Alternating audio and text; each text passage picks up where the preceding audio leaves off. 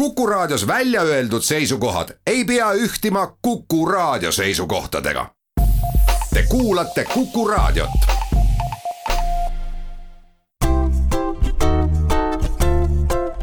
patsiendiminutid, Patsiendiminutid toob teieni Eesti Patsientide Liit. tere, head Kuku kuulajad loodan, et kuulaja jaoks on aasta tervelt alanud ja reede hommikuti lähevad taas eetrisse Patsiendiminutid. mina olen Kadri Tammepuu ja aasta esimeses saates räägime vaimsest tervisest. meil on liinil Tervise Arengu Instituudi vanemteadur Ken Konstabel, tervist! tervist! Pühad on nüüd läbi saanud, meedikute koroonavastane vaktsineerimine on alanud ja koos kaitsesüstidega süstitakse inimestesse ka lootust, sest räägitakse ju palju, et ähm, kriis on elanikkonna vaimset tervist äh, räsinud ja teistpidi on ka pühad äh, selline kriitiline aeg, kus äh, vaimse tervise nõrkused kipuvad välja lööma. kuidas ähm, teie asjatundja ja teadlasena eestimaalaste vaimsele vormile praegu vaatate? Me võime mõne koha pealt öelda, et isegi vorm on ju hea ja, ja tugev, sest Riigikantselei on iga mõne nädala tagant ju küsinud äh, inimeste arvamust, et kuidas nad ennast tunnevad, seal on üks selline huvitav küsimus, mida on vähemalt kaks-kolm korda ka küsitud, et, et kas sa vaatad tulevikku optimistlikult ja, ja selgub küll, et kui ma nüüd õigesti mäletan, umbes kolmveerand eestlastest ütles sellele jah. aga teiselt poolt jah, me ei saa öelda muidugi, et kõik oleks super hästi, et selline stressiolukord, keeruline olukord alati nõuab mingisugust lahendust ja tegelikult inimestel on päris palju võimalusi oma olukorra parandamiseks või siis isegi, kui midagi otseselt teha ei saa, et siis teha selle mõtlemisega olukorda veel raskemaks või siis natukene kergendada seda enda jaoks no kuidas need äh, murrangulised ajad üldse mõjuvad siis, kui see kriis läbi saab, tihti kirjeldatakse posttraumaatilist äh, stressi, inimene kriisis mobiliseerib ennast, aga vot hiljem äh, juhtuvad mingid vaimse tervise häired. Psühholoogias vahel räägitakse isegi ka sellisest posttraumaatilisest kasvust, et ka see võimalus, et inimene õpib kriisist midagi ja pärast seda kriisi, et kriis oli küll raske, aga pärast seda on valmisolek parem. et see sõltub ikkagi väga palju inimesest ja sellest, kuidas seda asja võetakse, et ma ei usu, et siin oleks sellist äh, ühtset reeglit, mis kõigi inimeste kohta samamoodi kehtiks. ja, ja kindlasti sõjad on näiteks äh, täiesti erinevad kriisid kui, kui see praegune koroonakriis sest mingi turvavõrk on ikkagi säilinud ja inimestel on vähemalt kõht täis ja katus pea kohal. just, enamus meist küll praegu ei pea muretsema, et kas see maja, kus ma elan, on homme ka sama koha peal. erinevalt siis äh, sellest Norra maalihkest, mis äh, aasta lõpus aset leidis, aga see puudutas ka õnneks väga väheseid inimesi. jah. no nii on, aga mm, kuidas te kokku võtate või kui te vaatate siin lähiminevikku tagasi, et äh, kui palju on varasemalt eestimaalaste vaimset tervist üldse uuritud, äh, kui me vaatame sellisest järjepidevuse aspektist? füüsilist tervist küsitlusuuringutes on päris palju olnud, et miks ma räägin praegu küsitlusuuringutest, on see, et need on rahvastikupõhised suuremad uuringud, kui nüüd mõõdetakse inimesel juba midagi, siis, siis sellised uuringud kipuvad olema juba väiksema mahuga. et kui me tahame teada rahvastiku tervise kohta üldisemalt, siis me enamasti ikkagi räägime sellistest ankeetküsitlustest.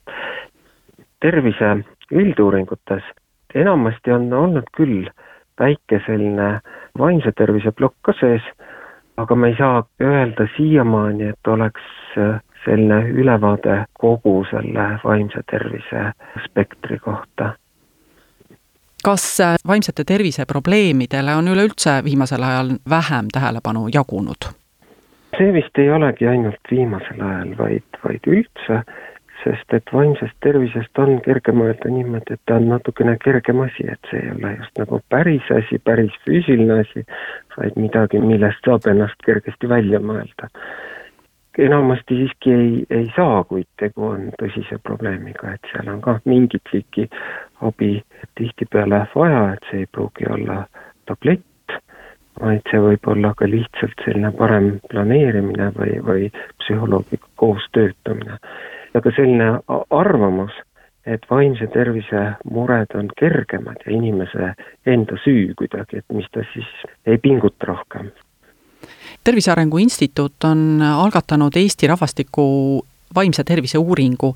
kas see on selline, võiks öelda siis esimene pääsukene, kus nii süsteemselt äh, inimeste vaimsele tervisele vaadatakse? ma arvan, et selles mahus ta on küll esimene pääsuk, et me püüame siin küllalt suurt valimit saavutada teiseks siis äh, teha sellise võimalikult suuremahulise ülevaate erinevatest vaimse tervise probleemidest, aga teiselt poolt ka positiivsest poolest, et rahulolust ja, ja heaolust, ja vaadata seda küsimust nagu mitme erineva külje pealt, et uurime ka registri andmeid. keda te täpsemalt uurite, kas lapsi või täiskasvanuid või mõlemaid? see küsitlusvoor, mis nüüd esmaspäeval algas, et seal me saatsime siis praegu ankeedid täiskasvanutele alates kaheksateistkümnest aastast. kuna lapsed on tundlikum seltskond ja juba seadustest tulenevalt me peame küsima lapsevanemate luba, eriti juhul, kui siin on ähm, plaanis andmeid äh, säilitada sellisel isikustatud kujul, et siis meil tegelikult siin on plaan, et me küsime lapsi päris anonüümselt ja, ja see nõuab natukene ettevalmistust, et viieteist kuni seitsmeteist aastastele me saadame küsitluse siis kevade jooksul. kes need küsitletavad välja valis ja, ja kui palju, te ütlesite, et püüate saada võimalikult suure esindusliku mm -hmm. valimi, et kui, kui palju neid peaks siis kokku saama?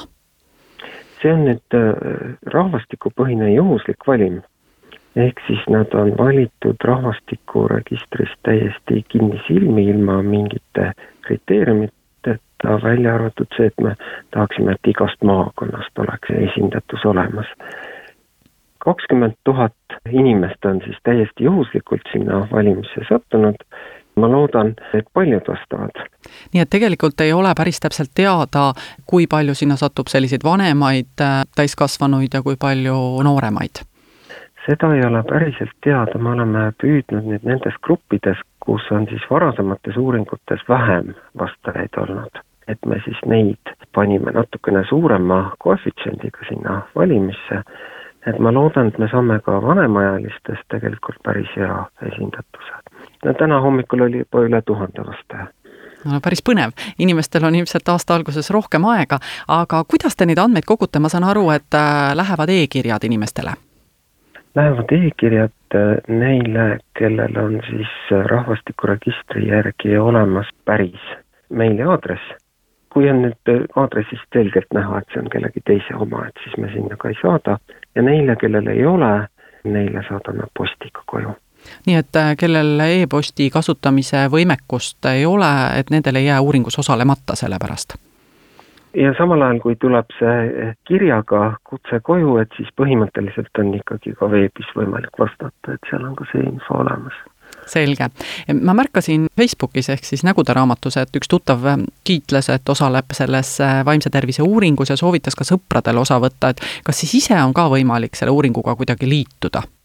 ise ei saa, et ainuke võimalus, et olla juhusega suur sõber, aga see juhus on juba ära olnud teeme siinkohal pisikese pausi. patsiendiminutid. Patsiendiminutid toob teieni Eesti Patsientide Liit meie külaline on Ken Konstaabel ja mina olen Kadri Tammepuu. me räägime täna vaimse tervise uuringust, mis algas sel nädalal.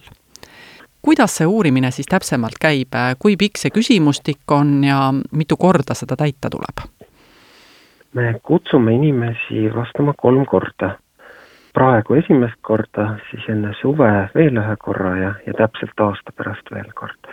Et selle mõte on siis see, et me saaksime ka natukene teada nende vaimse tervise muutuste kohta ja heaolu muutuste kohta siis aasta jooksul ja muidugi siis me ei küsi kõiki küsimusi täpselt samal kujul uuesti, et need, mida on mõtet uuesti küsida, neid me küsime mitu korda, aga need, mis tõenäoliselt enamikul jäävad samaks, et neid me siis ei hakka kordama.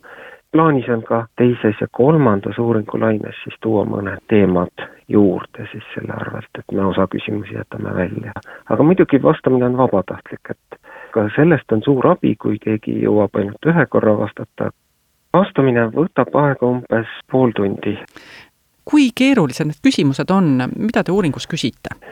Nad on ikka üsna sellised igapäevaelulised küsimused vaimse tervise probleemide kohta ühelt poolt, siis stressi kohta, stressiga toimetuleku ja emotsioonide kohta, lihtsalt sellise positiivses mõttes heaolu kohta ka ja, ja rahulolu eluga, erinevate eluvaldkondadega.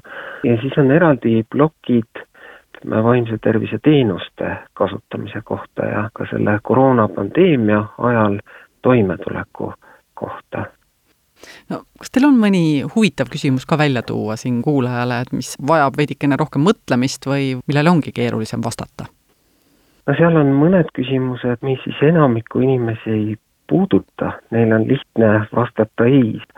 näiteks tunne, et keegi loeb minu mõtteid, et see on, väiksel vähemusel on siis selline mure, aga enamik inimesi vastab sellele kergesti ei ja keegi mulle isegi kommenteeris, et pigem tal on vastupidine tunne, et temast ei saada aru, mis on ka tavaline muidugi. mida üks teadlane peale hakkab selle küsimuse vastusega, kui näiteks äh, vastaja ütleb, et äh, vot, teised loevad tema mõtteid?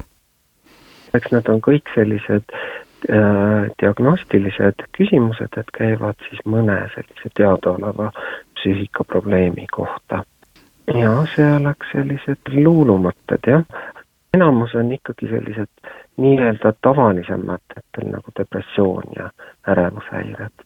selle tunneb kindlasti vastaja kergesti ära, et kas on kurb olla või mingis olukorras viibides, siis hakkab näiteks süda nii palju kloppima, et, et tuleb sealt ära minna mis nendest tulemustest, noh näiteks seesama, et süda hakkab kloppima, kas ja. see on praegu selline nivoo paikapanek või juba võetakse ka mingeid meetmeid tarvitusele, et, et mis nende inimestega teha?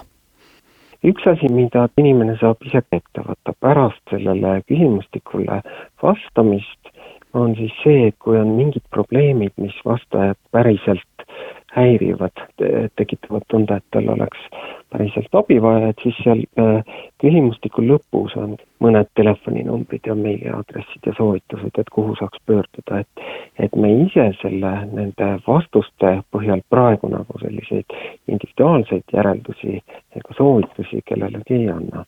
aga see, mis nendest andmetest äh, suures plaanis kasu on, on siis see, et me saame esiteks sellise täpsema ja, ja ka teiste maadega võrreldava pildi vaimse tervise probleemide levimusest ja sellise usaldusväärsema pildi kui seniste andmete põhjal. ja see on kindlasti abiks ka näiteks vaimse tervise teenuste planeerimisel, et kui palju psühholooge oleks vaja või kuhu neid oleks vaja. nüüd teine küsimus on siin see, et missugused on siis vaimse tervise probleemide riskitegurid ja need ei ole näiteks alati geenides peidus, need ei ole alati ka väga selged keskkonnategurid, et see võib olla ka lihtsalt selline sotsiaalmajanduslik staatus, mis muudab inimese teatud häiretele või probleemidele vastuvõtlikumaks ja jällegi mitte siis otseselt, vaid näiteks selle kaasneva äh, stressi kaudu. ja samamoodi oleks oluline teada, et millised elanikkonna kihid, ütleme kas vanuse või, või soo mõttes on siis tundlikumad olen lugenud neid uuringuid, mida on äh, küsitud näiteks, et kui suurt stressi nad tunnevad ja huvitaval kombel äh, vanemad inimesed äh, saavad isegi paremini nende muutustega toime kui noored, et mis te arvate, mille pärast see nii võiks olla? üks osa sellest võib täiesti olla see töökeskkonna muutus, et pensioniealistel see muutus võib olla mõnel juhul ju põhiliselt selles, et, et neid sugulasi ei näe nüüd enam nii tihti või, või nii lähedalt. aga et, et kogu muu elu võib suures osas jääda samaks, eriti Eestis, kus liikumispiiranguid ju sisuliselt ei ole praegu. aga siis tööealistel võib see töökeskkonna muutus olla ikkagi väga suur ja kui tal ei ole võimalik teha näiteks äh, kaugtööd, siis ka see on suur äh, stressiallikas, kui ta peab käima tööl, puutuma kokku inimestega, keda ta tegelikult kontrollida ei saa ja ta ei tea ette, et kust tal see nakkus võib tulla sellel nädalal tabas üldsust kurb uudis, kus äh, üks kaheksakümneaastane taat lasi maha oma naabri, kolmekümne kuue aastase kahe lapse ema.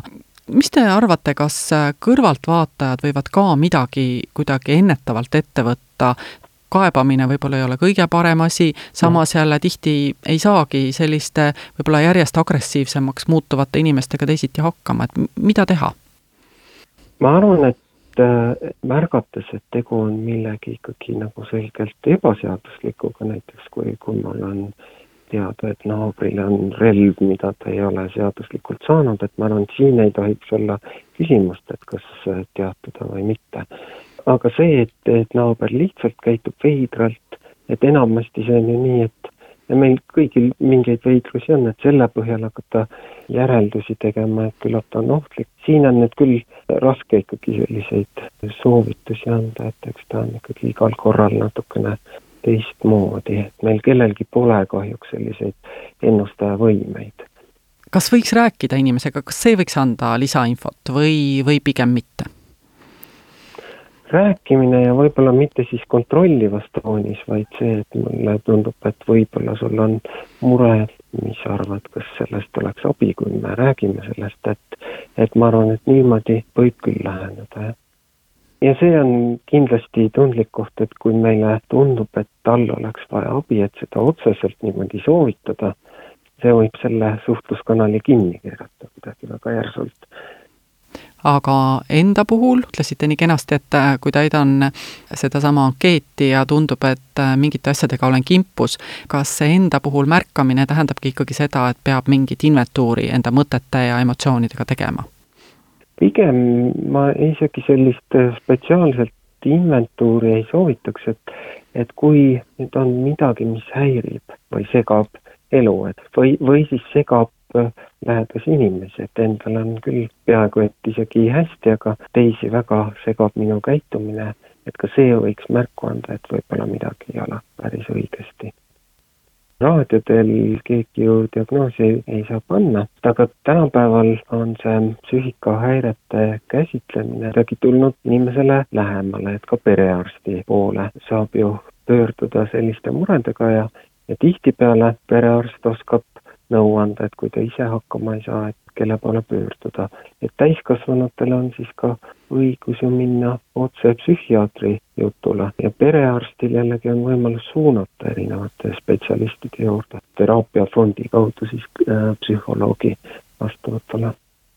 Aga suur aitäh, Tervise Arengu Instituudi vanemteadur Ken Konstaabel täna meile vaimsest tervisest ja siis ka vastavast uuringust, mida hakkate läbi viima, sellest rääkimast suur aitäh ja soovin kuulajatele väga ilusat uut aastat! aitäh ka kuulajatele, Patsiendiminutid taas juba järgmisel nädalal ja seniks olgem terved! patsiendiminutid. patsiendiminutid toob teieni Eesti Patsientide Liit